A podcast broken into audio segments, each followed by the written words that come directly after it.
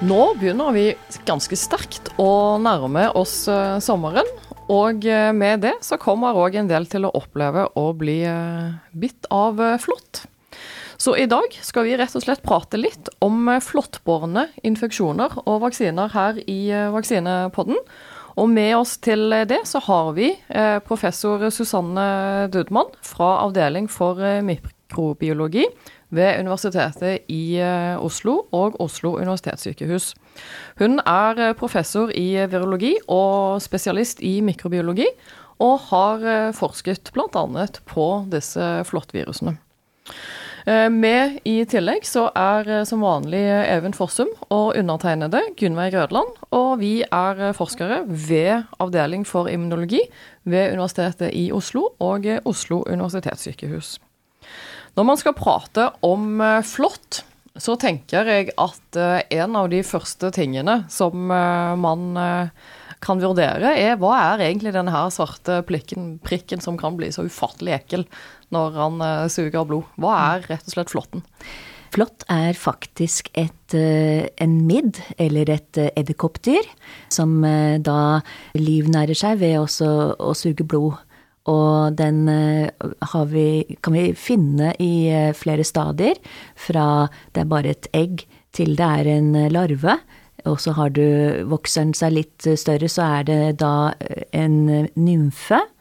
Og hvis den da greier å bli voksen flott, så, så kan den bli en størrelse som da særlig hvis den har sugd seg god og, og feit på blod, så kan den bli en sånn ganske betydelig klump eh, som er blodfylt, da. Og litt sånn blåaktig. Det ser skikkelig ekkelt ut. Jeg så en gang på hunden min en som var 1,5 cm, som vel omtrent er om hvor store de kan bli. Det er eh, skikkelig ekkelt. Ja. Eh, Du sier det er en midd, eh, et edderkoppdyr. Åtte ben tror jeg det har. Du har ikke lyst til å se på denne helt close up, tror jeg. Eh, jeg så at det var så mye som 800 eh, arter, i, nei 900 arter faktisk, i verden. verden. Eh, men i Norge så har vi langt færre. Mm. I Norge så har vi jo denne skogflåtten, som eh, vi kan finne særlig i kystnære strøk fra Østlandet og, og helt opp til eh, eh, Nordland. Eh, Så, så der trives den godt. Den er jo litt avhengig av at det er fuktig, sånn at den ikke tørker inn og dør. Og den eh, er jo da en eh, sånn vi kan støte på når vi ferdes i de områdene. Og vi kan f.eks. komme borti busker og kratt hvor denne edderkoppdyret da eh, lever. Og der sitter den eh, klar for å kaste seg på en ny vert. Om det er et dyr, f.eks. et hjortedyr, der liker de veldig godt å suge blod av. Eller det kan være av og til at den hopper på et menneske. Og, og da, hvis man går i sånne busker og kratt i disse kystnære strøkene, så, så kan man se av og til at uh, bitte små sånne uh, flått uh, kravler oppover buksebeinet. Og da er det bare å børste de av. Så fort som mulig. Ja, for altså, Når det gjelder sånn altså, prøve å beskytte seg mot flått, så er vel altså, et av triksene her er vel bare å altså, kle på seg. Rett og slett, Det er vel ikke så fryktelig mye mer man kan gjøre for å så prøve å hindre å bli bitt, er det? Mhm. Ja, det er viktig å ha eh, dekkende klær, f.eks. langbukser, da, og så kan man putte buksen innenfor sokkene, og, og da kan man beskytte seg også litt sånn at den ikke krøper på innsiden av buksene. buksene. Ja, nå begynner det å bli sommer i Norge. Og det å gå i langbukse når du er ute og går langs kystnære strøk, det er et veldig godt råd, men jeg vet ikke om jeg klarer å følge det selv alltid eh, heller. Så det er kanskje viktig å prøve å følge med og fjerne de så fort som mulig ja. når man ser de. Mm. Det er eh, et godt poeng, eh, for eh, hvis du greier å undersøke deg etter å ha vært ute i sånn flott terreng regelmessig, da helst hver dag, kanskje gjøre det om kvelden når du kommer inn, eller og så tar du og undersøker huden, gjerne hjelper hverandre litt med å kikke hvis ikke du ser hele eh, overflatene. Så, og også undersøke dyr, altså hvis du har hund eller katt som ferdes ute. Også være nøye med å gå gjennom pelsen. Og der sitter ofte på hunder og, og katter sitter det ofte rundt munn og ører, og noen ganger på buken også. Under, eh, og, og der, eh, hvis man fjerner det med en gang, så er det veldig fint, for da kan man unngå faktisk å smittes med de sykdommene som flåtten kanskje kan bære, være bærer av. Mm. Ja. Nei, for altså et, et, viktig poeng her er vel at flåtte i seg selv er vel ikke farlig. Nei. Så at det er eh, De er ekle, absolutt, og ikke noe trivelig å få på seg. Men, eh, men, i seg selv så er vel ikke flåtten verre enn at den, den, suger blod, men det er på en måte alle disse sykdommene som potensielt følger ja. med. Som er, ja. Helt enig, for flåtten er jo litt ekkel Eh, som du sa, Gunnar, det er jo litt ekkelt å bli bitt av den også, men eh, de aller, aller fleste flåttbitt eh, er jo ikke farlig, særlig hvis man fjerner den raskt. Så, så får du Blir dette bitte lille prikken hvor den har sittet, blir jo borte fort, og det trenger jo ikke gjøres noe tiltak utover det. Man bare observerer etterpå om man ser at det utvikler seg noe utslett. Og det, å få et flåttbitt SSL er ikke noen indikasjon for å få antibiotikabehandling. Mm. Det er et veldig godt poeng. Og det er ikke alle flått som uh, bærer sykdom. Det vil være litt uh, geografisk variasjon i hvilke sykdommer de faktisk bærer. Men det som er litt ekkelt å tenke på, er at flått faktisk i utgangspunktet kan ta og bære både borreliose, skogflått encephalitt, anaplasmose, harepest og babesiose. Så det kan være ganske mye forskjellig. Men eh, det er nå stort sett ikke sånn at eh, vi er eksponert for alt det hver gang vi faktisk blir eh, bitt av en flått. Men aller først, hvordan smittes vi egentlig av flåtten? Hvordan skjer det? Flåtten har jo dette Den bærer om det er borrelia-bakterien eller det er TBE-virus, så, så, har den det i sin spytt, eller tarmkanal. Og når den da biter et, en vert, så kan den eh, komme da fra motsatt vei, liksom, fra flåtten, gjennom spyttet og inn i huden. Og der kan bakterien da bli overført fra flått til menneske eller et annet dyr. Mm. Men jeg syns jeg har hørt at dette her må gjerne sitte på, altså flåtten må gjerne sitte på en stund for at dette her egentlig skal føre til smitte. Gjelder det både for borrelia og TBE, eller hvordan er den forskjell der? Ja, det er fint du spør om det, fordi borreliabakterien borrelia-bakterien den eh, kreves eh, litt lengre tid for å overføres fra flått til menneske. Sånn at man regner med at hvis du får fjernet flåtten i løpet av 24 timer, så er du trygg. Mm. Da får du ikke borrelia-smitte. Men eh, for TBE så virker det som eh, når flåtten bærer det viruset, er den litt mer sånn hyperaktiv, og da kan man smittes raskere, så det er ikke noen garanti mot å ikke få TBE-virusinfeksjon. Det er uh, to sykdommer i hovedsak som vi har vært inne på som finnes i Norge. Jeg tenker vi skal begynne med å prate litt om den ene av dem. Borrelia, rett og slett, eller Lyme borreliose. Eh, som eh, forårsakes av eh, en bakterie, Borrelia burgdorferi. Mm. Var det en helt forferdelig uttalelse, eller Susanne? Nei, jeg skjønte veldig greit, jeg. Og det var jo fått navnet sitt av en som het Burg, Burgdorfer som er et etternavn. og vi har jo da eh, denne bakterien eh, i flere deler av eh, verden. Og i Norge så finner vi de subartene som heter Borrelia ofseli og Borrelia garini. Så, er det noen forskjell på dem, egentlig, disse to til farlighet? Eller på en måte hva, hva slags sykdomsbilde de kan gi? Mm. Det er eh, litt sånn tendenser til at den ene gir mer leddaffeksjon enn en den andre. Vi har jo flere sånne sykdomsmanifestasjoner vi kan få når vi snakker om sykdommen borreliose. Og eh, erytema migrans er det som de fleste rammes av. Og det er en sånn tidlig lokal eh, tilstand eh, av infeksjonen som eh, da er eh, grei å behandle med antibiotika, og den er grei å gjenkjenne for eh, helsepersonell. Den ser ut som en sånn rød ring med en liten rød prikk i midten. Og har man sett det, så bør man oppsøke lege og så bør man da behandles med en penicillinkur i 14 dager. Og da er man eh, ferdigbehandlet. Og hvor lenge etter at du blir bitt kan det inntreffe? Hva er inkubasjonstiden her? Sånn cirka? Det, det er eh, gjerne snakk om eh, en eh, ukes tid, ja. Men her er det ganske stor variasjon. Litt Så- variasjon, ja. Så det kan gå opptil to uker, og vel så det. Ja. Så man kan ikke altså se nøyaktig på tidspunktet. Hvis du får det innen en eh, måned etter du kanskje har vært bitt eller eksponert, så er det grunn til å tro at det kan være Ja. dette. Ja. Mhm. Og det er jo ikke alle som får et sånt erytema migrans utslett som husker at de har hatt et flott- bitt akkurat der. Men eh, når man kommer og viser det til eh, fastlegen, så vil de kjenne det igjen. For det er veldig typisk. Og det er ikke nødvendig å ta noe blodprøve for å så undersøke etter eh, borrelia i blodprøve, for det er så typisk. For å gjenta det, altså hvis, hvis man oppdager det, altså har vært i skogen på et tidlig tidspunkt, og det kan da, som du sier, egentlig ha vært de siste par ukene, og oppdager en sånn rød ring, nærmest sånn litt sånn blinklignende uh, rød ring med en prikk i midten, så da er det en grunn til å oppsøke lege, Ja. rett og slett. Ja. Men er det alltid en sånn rød ring når du får borreliose?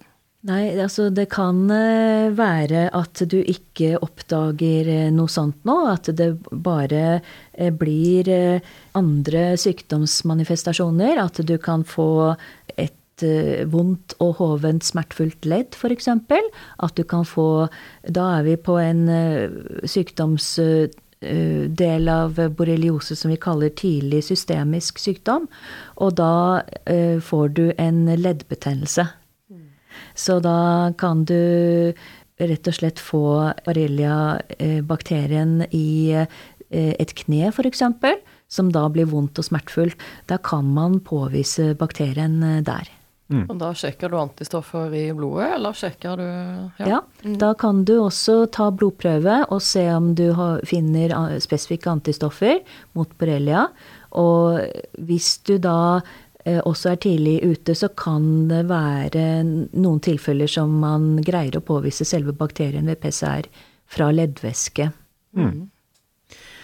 Det er vel også en del som, eller i hvert fall enkelte som, som sliter med mer sånn senvirkninger, at det kan gi påvirkning over tid, så på en måte være syke egentlig lang tid etter. Men, men da, hva er det som, eh, hva er det det snakk om da, eller hva er det som Ja, vi har eh, former som heter sen borreliose.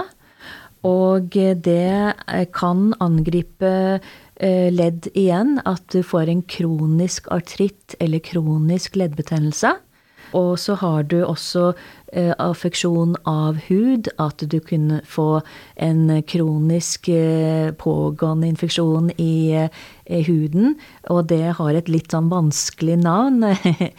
og det kalles da for akrodermatitis kronika troficans.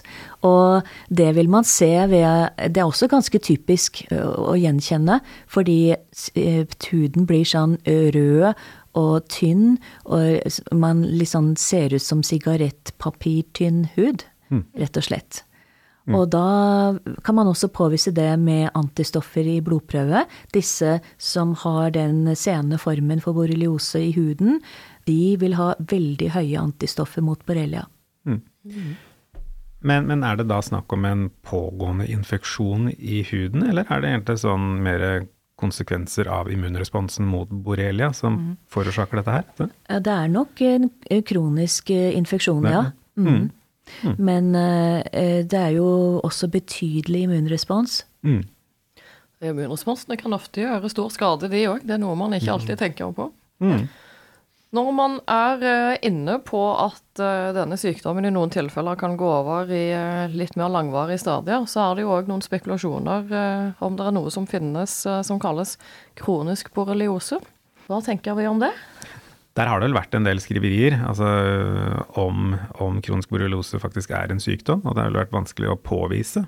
Ja, litt av utfordringen her har vel vært at man har slitt med å påvise at det faktisk er pga. borreliose, eller borrelia-bakterien. At det, er, eh, det har vært en del sånn altså, Folk som har rapportert symptomer som altså muskelsmerter og det, muskelsvekkelser. Altså det har vært ganske sånn, sånn kraftige symptomer. Det er, ikke, det er, folk som er blitt skikkelig dårlige. Mm. Men der man har uh, rett og slett slitt med å identifisere at dette her skyldes borrelia, da, bakterien. Mm. Så det er vel, kronisk borreliose er vel litt sånn bestridt, altså sånn ja, omdiskutert sykdom. Der uh, ja, det etablerte hva skal si, medisinske miljøet er vel mer skeptisk, og så er det enkelte sånn, kanskje litt mer på siden miljøer som da har, har frontet kronisk borreliose som en faktisk sykdom. Men det er, eh, ja. Mm. Det det illustrerer, tenker jeg, er at det ennå er en del ting vi rett og slett ikke kan forklare ja. årsaken til. Ja. Når det gjelder uh, symptomer og lidelser som folk får, Absolutt. og som jo er reelle. Og det er veldig viktig å undersøke sånne ting og gjøre gode forskningsstudier som kan uh, se på hva som faktisk uh, skjer. Vi snakket jo ikke så mye om eh, de eh, formene som er jo ganske alvorlige av eh, borrelioseinfeksjon, hvor pasientene får Det angriper sentralnervesystemet. Mm. Og der kan man jo få ulike former for infeksjon i sentralnervesystemet, at det også kan angripe hjernen. Og, og, disse pasientene kan jo i lang tid etter at de er eh, adekvat eh, behandlet med lange eh, og, og invasive antibiotikakur, så kan jo de oppleve at de har problemer i etterkant med konsentrasjonsproblemer og dårlig hukommelse mm. og tretthet og, og flere ting. Mm. Så dette er rett og slett en infeksjon du ikke vil ha. Surprise, surprise. Mm. Men uh, det som er litt uh, trist, da, er at vi uh, ikke har godkjente vaksiner mot denne bakterien. og det er litt trist, fordi det hadde vi faktisk. På 90-tallet mm. så var det godkjente vaksiner, og som hadde en effekt mellom 70 og 80% etter fullvaksinering. De var basert på å danne antistoffer som var målretta mot denne bakterien og som da blokkerte den fra å forårsake noe særlig sykdom. Mm. Den vaksinen ble tatt ut av uh, bruk. Mye grunnet uh, antivaksere, rett og slett. Ja, det er jo veldig synd at uh, det ikke finnes noen vaksine på markedet mot borrelia-infeksjon. Mm. Det er noe vi virkelig trenger. Mm. Det er noe vi trenger. Og det er Vi har vært inne på leddsymptomer, men det var da en del antivaksere som hadde borreliose, og mente at det var vaksinen som hadde forårsaket artritt og eh, leddsmerter. Noe det jo mm. ikke var noen form for eh, bevis for at de hadde, og det har man undersøkt ennå, og det er ingen grunn til å tro at det har en sammenheng. Men likevel, de ble så vokale og så sterke at eh, vi regner med det er noen grunn til at vaksinen ble tatt av markedet i 2002. Ja. Nå er heldigvis Pfizer i gang med en uh, ny klinisk studie med en ny vaksine, så vi håper det når fase tre denne høsten. Mm. Så det er grunn til håp om at vi kommer tilbake. Det blir spennende å, å følge med på. Mm. Nei, jeg tenkte bare for å si om denne, denne Limerix-vaksinen, som den faktisk het. Den mm. var jo da produsert av det som da var Smith Klein Beecham, mm. som nå er eh, Galaxo Smith Klein, GSK. Mm. Som sier at det var en, basert på, eh, på å danne antistoffer mot et, eh, en, en overflateprotein fra bakterien.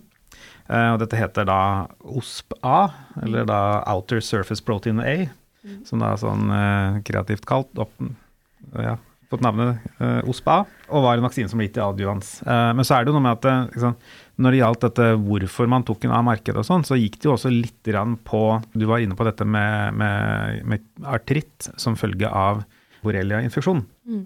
Og så var det noen spekulasjoner som gikk på det at bl.a. dette eh, at årsaken at du kunne få kronisk artritt etter borrelia-smitte, gikk på at du kunne få dannet bl.a. en sånn autoimmunitet. Og så var det spekulasjoner at dette OSP-A-proteinet kunne være involvert i denne prosessen som kunne bidra da, til, til autoimmunitet. Og Derfor var det vel altså En ting var antivakser, men det var vel også en del sånn altså man, man, var eksperter som da lurte på kunne dette her være en konsekvens av at hvis man da begynte å vaksinere med OSP-A, så kunne du potensielt sett få dannet autoimmunitet. Og så har man da undersøkt dette her i etterkant og funnet at det, det, det ser ikke ut til å være tilfellet. Man har ikke funnet noen sammenheng mellom dannelse av artritt eh, hos de som ble vaksinert, kontra folk som, som ikke ble vaksinert. Og man så i hvert fall ikke noen høyere forekomst da, av artritt. Men dette bidro selvfølgelig til å gi større skepsis i forhold til vaksinen. Så litt av utfordringen var at altså, vaksinen er fortsatt godkjent i USA. Den ble godkjent av, av FDA i USA. Og den er fortsatt det, men den ble trukket tilbake til merket bl.a. fordi også at det var ikke noe det var ikke noe interesse for den. Det var rett og slett eh, det, ble ikke, det var ingen som hadde lyst til å ta vaksinen, omtrent. Og derfor ble den heller ikke produsert. Så valgte selskapet å, å trekke den tilbake. Og selvfølgelig noe av grunnen til at det ikke var interesse for den, var jo da at det ble den der usikkerheten rundt om det kunne være noe assosiert med den, og, eller ikke. Som sagt, så mm. har det ikke sett sånn ut i etterkant, da, men det var på en måte nok til å gjøre at ingen hadde lyst til å ta vaksinen. Men så er det jo som du sier flere vaksiner som er på vei. Og det er jo en sånn eh, fase to-studie nå som, eh, som, er enten sånn nettopp gjennomført, eller som er nylig Den er vel i ferd med å bli avsluttet, for det er gjennomført flere fase to-studier, både ja, ja. voksne og barn. Og det er vel den voksne som uh, nylig, tror jeg, ble avslutta. Ja. ja. Og der er det, har man basert vaksinene Det er fortsatt basert på dette OSPA proteinet, mm. men dog eh, her har man gjort modifiseringer. Man har gjort noen sånne endringer i forhold til de områdene som man trodde kunne være assosiert med autoimmunitet, de er fjernet fra bakteriene, eller fra dette proteinet, rett og slett. Så består nå disse vaksinene av seks ulike varianter av dette OSPA-proteinet, fra seks ulike borrelia-bakterier eller typer. Ja. For å dekke og beskytte mot alle arter som eh, er relevante. Rett og slett, ja. For at det får, får, får bredere spektrum på hele, ja. hele, vaksinen. Så får vi se, da. Altså, det blir veldig spennende å se hvordan, uh, hvordan dette her går. Nå er det, altså, det er Pfizer mm. som sitter på rettighetene til dette her nå, som utvikler denne vaksinen. Og fase to virker å være mer eller mindre avslutta, som vi snakka om. Så da blir jo spørsmålet når de eventuelt går i gang med en fase tre. Og det er jo fortsatt flere år til dette her eventuelt vil komme på markedet, mm. men det betyr jo i hvert fall at det er en som, vaksine som er på vei, ja. og som da vi forhåpentligvis vil se i fase tre snart. Ja, Hvis de kommer i gang til eh, høsten som planlagt, så kan det være kanskje to-tre år til mm. eh, vi får tilgang på denne vaksinen. Hvis mm. de får rekruttert nok personer og alt går strålende. Mm. Jeg tenker jeg skal ta den og den kommer, i hvert fall. Mm. det er greit å ha den beskyttelsen man kan. Men det er sånn at uh, jeg tror vi skal gå videre til skogflåttencefalitt. Fordi det er òg uh, en av de tingene som man kan få etter et flåttbitt. Mm. Og i motsetning til den bakterien som vi nå har pratet om, som faktisk kan behandles med antibiotika fordi det er en bakterie, så er skogflåttencefalitt forårsaket av et eh, flavivirus. Mm. Altså, antibiotika funker ikke. Nei. Det er ikke verdt å starte på engang. Absolutt ikke. Det, det, er eh, ingen, eh, dessverre, spesifikk behandling mot TBE-virusinfeksjon eller skogflåttencefalitt. Skogflåttencefalitten den kan jo arte seg slik at man kan få en influensalignende sykdom i en tidlig fase, og så Eh, etter en eh, ukes tid så, så, blir man frisk igjen av den. Og så eh, er det da noen dager som går, kanskje opptil en uke, og så kan man utvikle en hjernebetennelse hvis man er uheldig. Og det er ca. en 30% som får. Um, og, og, da kan man få da påvist dette her ved antistoffundersøkelse i blod og spinalvæske eller eh, væske fra, man tapper fra spinalkanalen. Og da kan man se at det er det som skyldes eh, symptomene fra, fra hjernen. Og det kan jo gjøre at eh, man får litt komplikasjoner også, dette her, med balanseproblemer etterpå og konsentrasjonsproblemer og litt hukommelsessvikt. Så, så det er ikke noe morsom ting å gjennomgå dette her. Det er jo synd at vi ikke har noe behandling mot det, men det som er fint, er jo at vi har en vaksine mot det. Mm.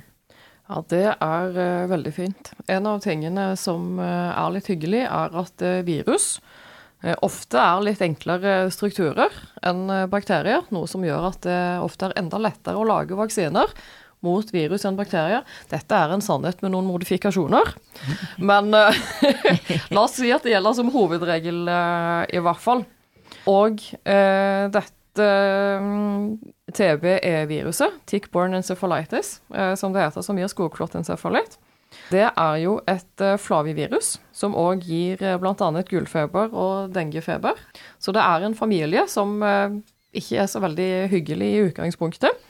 Men det er et kuleforma virus som har RNA som arvemateriale, i likhet med både SARS-CoV-2 og influensa. Og det gjør òg at dette er et virus med et potensial for eh, endringer. Mm. Eh, rett og slett. Så litt avhengig av eh, mutasjonshastigheten så vil det kunne være vanskelig å lage effektive vaksiner mot TBE-viruset, men man har ikke sett noe til det ennå, heldigvis.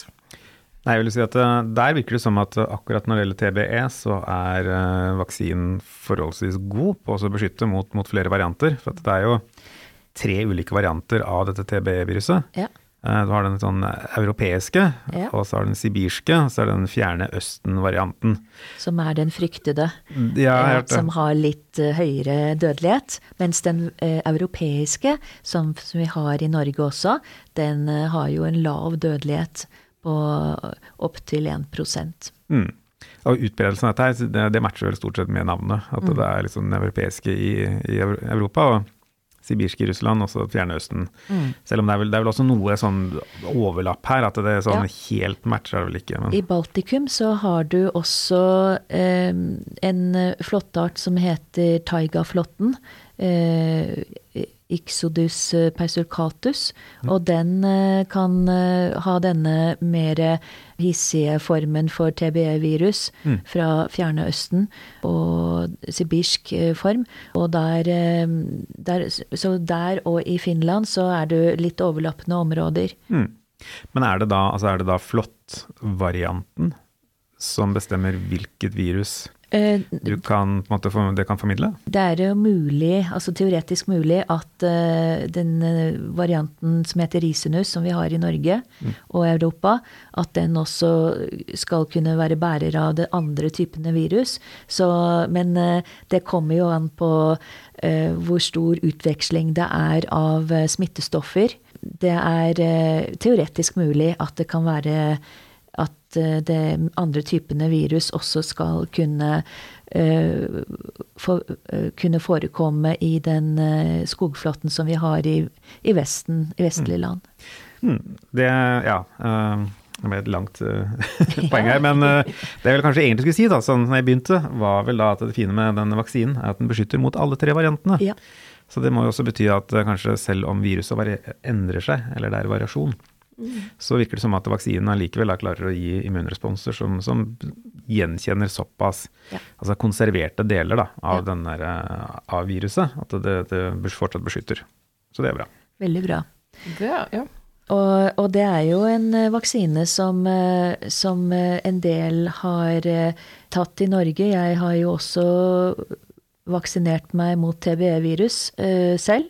For eh, jeg har jo ferdes i områder eh, hvor eh, TBE forekommer. Fordi det er jo særlig i de fylkene langs sørlandskysten at viruset har gitt sånn encefalittilfeller hos mennesker. Du kan finne det i flått i flere områder også, uten utenfor de fylkene hvor mennesker har, eh, tilfeller hos mennesker har vært rapportert. Men eh, det er nok eh, sjeldnere og også mindre sjanse for å støte på det. Mm. Så, så, det er stort sett i Vestfold og nedover sørlandskysten til Kristiansand er de mest utsatte områdene der. Og, og jeg, når jeg har vært på eh, hytta om sommeren, så har jeg ofte fått flåttbitt. Da har jeg tenkt at det har vært lurt å, å, beskytte seg når det finnes en effektiv vaksine mot TBE. Det er det absolutt. Og dette er jo en vaksine som settes i tre doser med god tid eh, imellom. Så det er greit å starte tidlig òg. Du har ikke akkurat beskyttelse dagen etter den første vaksinen. Nei, og hvis du får et flåttbitt og du blir redd for at du har fått TBE eller eh, Ja, så, så er det jo egentlig ikke noe vits å ta vaksinen da. For eh, da vil du jo ikke få noe beskyttelse etter det eh, flåttbittet. Mm. Så egentlig start med vaksinering i eh, god tid før eh, vår-sommersesongen. Nå er vi jo litt sent ute allerede, så det er på tide å oppsøke fastlegen og sjekke om de har noen doser. Mm. Jeg skal i hvert fall gjøre det, for jeg er en av de som eh, har tenkt i flere år at å, nå må jeg få det gjort. Og så Mm. har det bare blitt utsatt. Men eh, det er på høy tid. For uh, skogflåttencefalitt har du ikke lyst på. Eller jeg har ikke, i hvert fall. Denne eh, vaksinen eh, er eh, en inaktivert eh, virusvaksine, den som vi eh, bruker nå. Og det er eh, en vaksinetype som er brukt eh, veldig mye mot eh, mange forskjellige virus, og som er effektive. Som Even sier, han er effektiv mot disse forskjellige variantene. Og det til tross så er han òg basert på antistoffer mot overflateproteinene. Det er det som er hovedbeskyttelsen, akkurat som for vaksinene mot influensa og SARS-CoV-2. Samme hovedprinsipp. Men her så har du så lite variasjon at dette faktisk eh, fungerer eh, likevel. En sånn fascinerende ting med akkurat skogflåttencefalitt er jo Det har jo vært en markant økning Ja. i det siste. Kan du si noe om Ja. det? Altså, det har jo på en måte gått fra relativt en sånn ja. skal si, håndfull tilfeller omtrent Ja. før 2018, og så er det bare For de første tilfellene ble jo oppdaget i 1997 og 98 i eh, Kristiansand-området. Og så eh, var det jo da eh, diagnostikk for å påvise det etablert da i, på laboratoriet i Kristiansand. Og så har man da sett få tilfeller årene etter dette, sånn at det lå på mellom ja, 10-15 tilfeller i året i lang stund. Eh, Men eh, så for noen år siden, så fra 2018 og oppover, så har man sett eh, en økning. Og i 2021 så var det faktisk meldt og, påvist eh, 64 tilfeller. Så det er en stor økning, eh, rett og slett. Så mm, man kan jo lure litt på hvorfor har dette skjedd, eh, og, og kan det ha noe med Fordi for å bli smittet så må man jo være ute i flåttområder og, og bli bitt av flått. Så det er en forutsetning. Mm. Så hvis ikke man har eh, disse anledningene hvor man møter flåtten, så vil jo ikke du ha noe risiko for infeksjon. Så en mulighet er rett og slett at pga. pandemien så har flere vært ute og tråkka i eh, områder hvor de Ja. kunne få virus. Ja. Det er, ja. Det er en eh, mulig forklaring, uten at det er lett å, å, å bevise. Men eh, jeg tenker eh, det er jo bare eh, 1 kanskje, opptil opp til 1,2 av flått- flåtten som er bærer av TBE-viruset. Så det er jo, selv nå, med den økningen vi ser, så er det jo liten sjanse, tross alt. Men eh, det er tror jeg eh, det kan ha noe med aktivitet å gjøre, at eh, man eh, er mer utsatt fordi man blir mer eksponert for flått og bitt oftere. Vet man om det er mer flått nå? Altså, jeg, hørte, leste at det, altså, flåtten var foretrakk litt sånn mildere vintre. At det, hvis det da var eh, mildere vinter men ikke så mye snø, så, så kunne det på en måte, var det bra for flåtten. Mm. Men om det da gjør at du større risiko for å møte på flått? Ja. ja. Fordi da blir det jo, med mildere vintre, så blir det jo både en eh, lengre eh, vår og en eh, lengre høst hvor du, flåtten er aktiv. For den er jo aktiv når det er en viss temperatur. Eh, Er det, nærmer det seg null, så er det jo ingen eh, aktivitet. Men eh, så begynner det å våkne til på våren når vi har fått noen plussgrader. Og jo varmere, jo, jo bedre er det forholdene for flåtten. Og med lengre sesong så er det også en større mulighet for større risiko. Mm.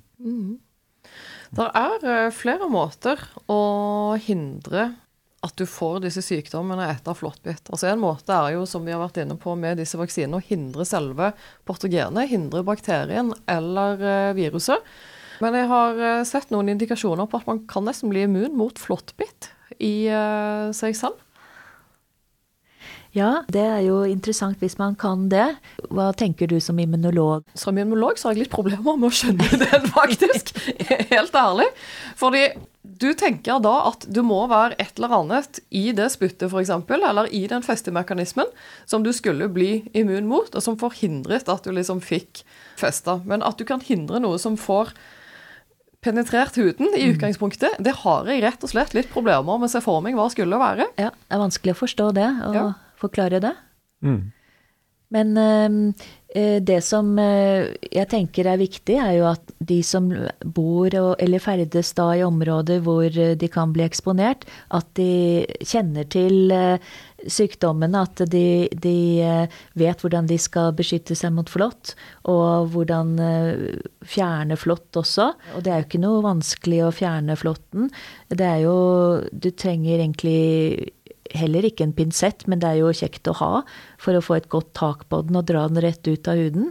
Men uh, du kan også bruke neglene og bare ta den ut. Det har jeg gjort mange ganger selv. Mm. Mm. En ting er liksom at man blir immun mot uh, ja, som du nevner, altså man kan bli immun mot flåtten, men, men, i hvilken grad blir man egentlig beskyttet etter å ha gjennomgått sykdom? Altså Enten det da er TBE eller borrelia, er det sånn at du er man da beskyttet for, for all fremtid? Det er et godt spørsmål. Vi har ikke noen gode studier på det. Jeg vet ikke om noen av dere har sett det, men um, jeg har sett at du kan bli, uh, du kan bli reinfisert uh, gang på gang på gang. Uh, du har en viss beskyttelse mot det viruset som du traff første gang. Mm. men treffer du en av de andre variantene, så vil ikke den beskyttelsen nødvendigvis være gyldig så veldig lenge. Mm. og du kan òg få homologinfeksjon flere ganger. Mm. Som vil si at selv om du får danna antistoffer eh, etter at du har eh, blitt smittet, så vil de kun ha en relativt kort varighet. Mm. Og det er jo derfor du òg med vaksinene, de er heller ikke livslange selv om du har gjennomgått tre doser. Du må drive og booste, er det hvert femte år omtrent? Ja. Ja. Hvis du er under 60, så må du, øh, og du fortsatt øh, er ferdes i områder hvor du kan ha risiko, så anbefales det å gi en øh, oppfriskningsdose hvert femte år. Mm. Er du over 60, så er det vel hvert tredje år. Ja. Så verken selve infeksjonen eller vaksinen gir beskyttelse over veldig lang tid. Så det tilsier jo at uh, immunsystemet vårt av en eller annen grunn kanskje kunne ha nytte av en enda bedre vaksine for å danne enda mer langvarig beskyttelse. Men mm. den er ikke tilgjengelig ennå. Nei, jeg tenker det er jo litt som andre inaktiverte vaksiner ja. som gis av den typen, at de, de, har en tendens til å avta ja. over tid og gir, gir, grei beskyttelse eller god, god beskyttelse kort tid etterpå, men så, så, avtar det litt. La oss håpe subbenhetsvaksinene tar over og har en enda bedre løsning ja. Eh, etter hvert. det hadde vært fint. Det hadde vært fint. En av de tingene jeg finner veldig fascinerende med flått, er, som vi har vært litt inne på, at de finnes eh, i alle geografiske områder. Fra polare strøk til ørken og til eh, skog i Norge. Du finner de liksom i alle avkroker av verden. Men de har i ulik grad evne til å forårsake sykdom. Heldigvis. De to eh, som vi i Norge er mest utsatt for, er limeborreliose og skogflåttencefalitt. Vi har vaksine mot sistnevnte. Eh, men vi har det ikke enda mot eh, borreliose. Det håper vi jo blir eh, tilgjengelig.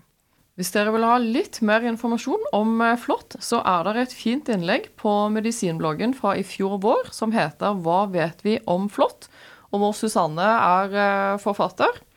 Og vi har òg et flåttsenter i Norge som har laget en ganske morsom flåttpodkast. Så sjekk det ut. Jeg håper dere har hatt det morsomt, kanskje lært noe nytt om uh, flått. Tusen hjertelig takk, uh, Susanne, for at du var med oss i uh, dag.